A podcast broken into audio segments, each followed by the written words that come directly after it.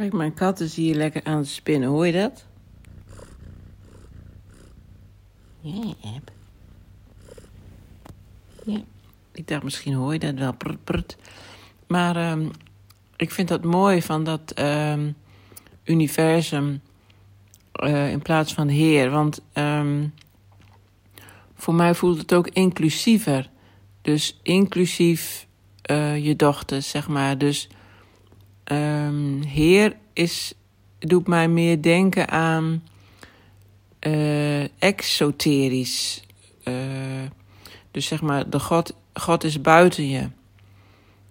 En universum is voor mij meer esoterisch. Dus dan, dat betekent dat God overal is, dus ook in je. Dus dan waken ze ook over zichzelf. Hè? Dus het, het goddelijk in hun of het, het uh, hogere energetische deel, of hoe je het ook maar allemaal wil noemen, maakt me allemaal geen bal uit. Um, waakt ook over uh, hun als mens. En als je zegt Heer, misschien is het dan ook wel zo, maar het, het, door die term inderdaad uh, klinkt dat meer alsof het iets is buiten jezelf.